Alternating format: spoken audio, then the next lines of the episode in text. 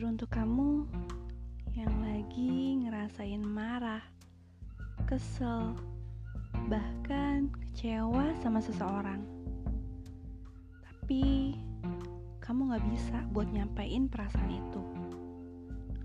Atau kamu yang pengen banget nyelesain masalah itu, tapi rasanya terhalang oleh satu sekat yang gak tahu apa.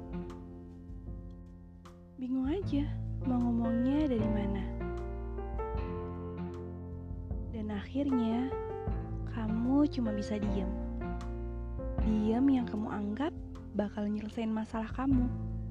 Tapi ternyata malah bikin kamu semakin tersiksa. Rasanya satu masalah aja belum selesai.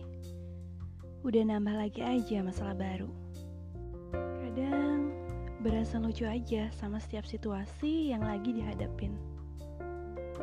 Khawatir dengan apa yang bahkan belum terjadi.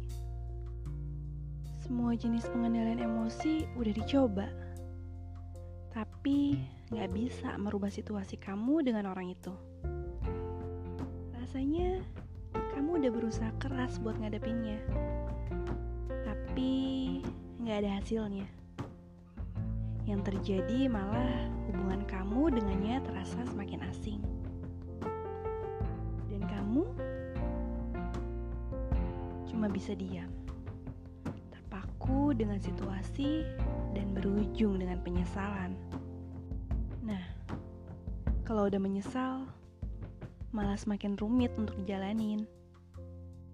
Jadi, coba deh mulai sekarang kalau kamu lagi ada masalah sama seseorang, coba bicarakan dari hati ke hati.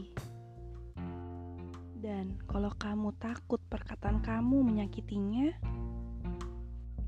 coba tuliskan setiap kata yang ingin kamu ucapkan.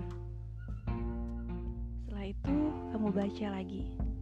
Kira-kira kalau kamu yang menerima ucapan itu bakalan baik-baik aja atau enggak? Mungkin awalnya memang susah mau nyampain perasaan kesel itu. Tapi bicara dari hati ke hati adalah solusi tepatnya.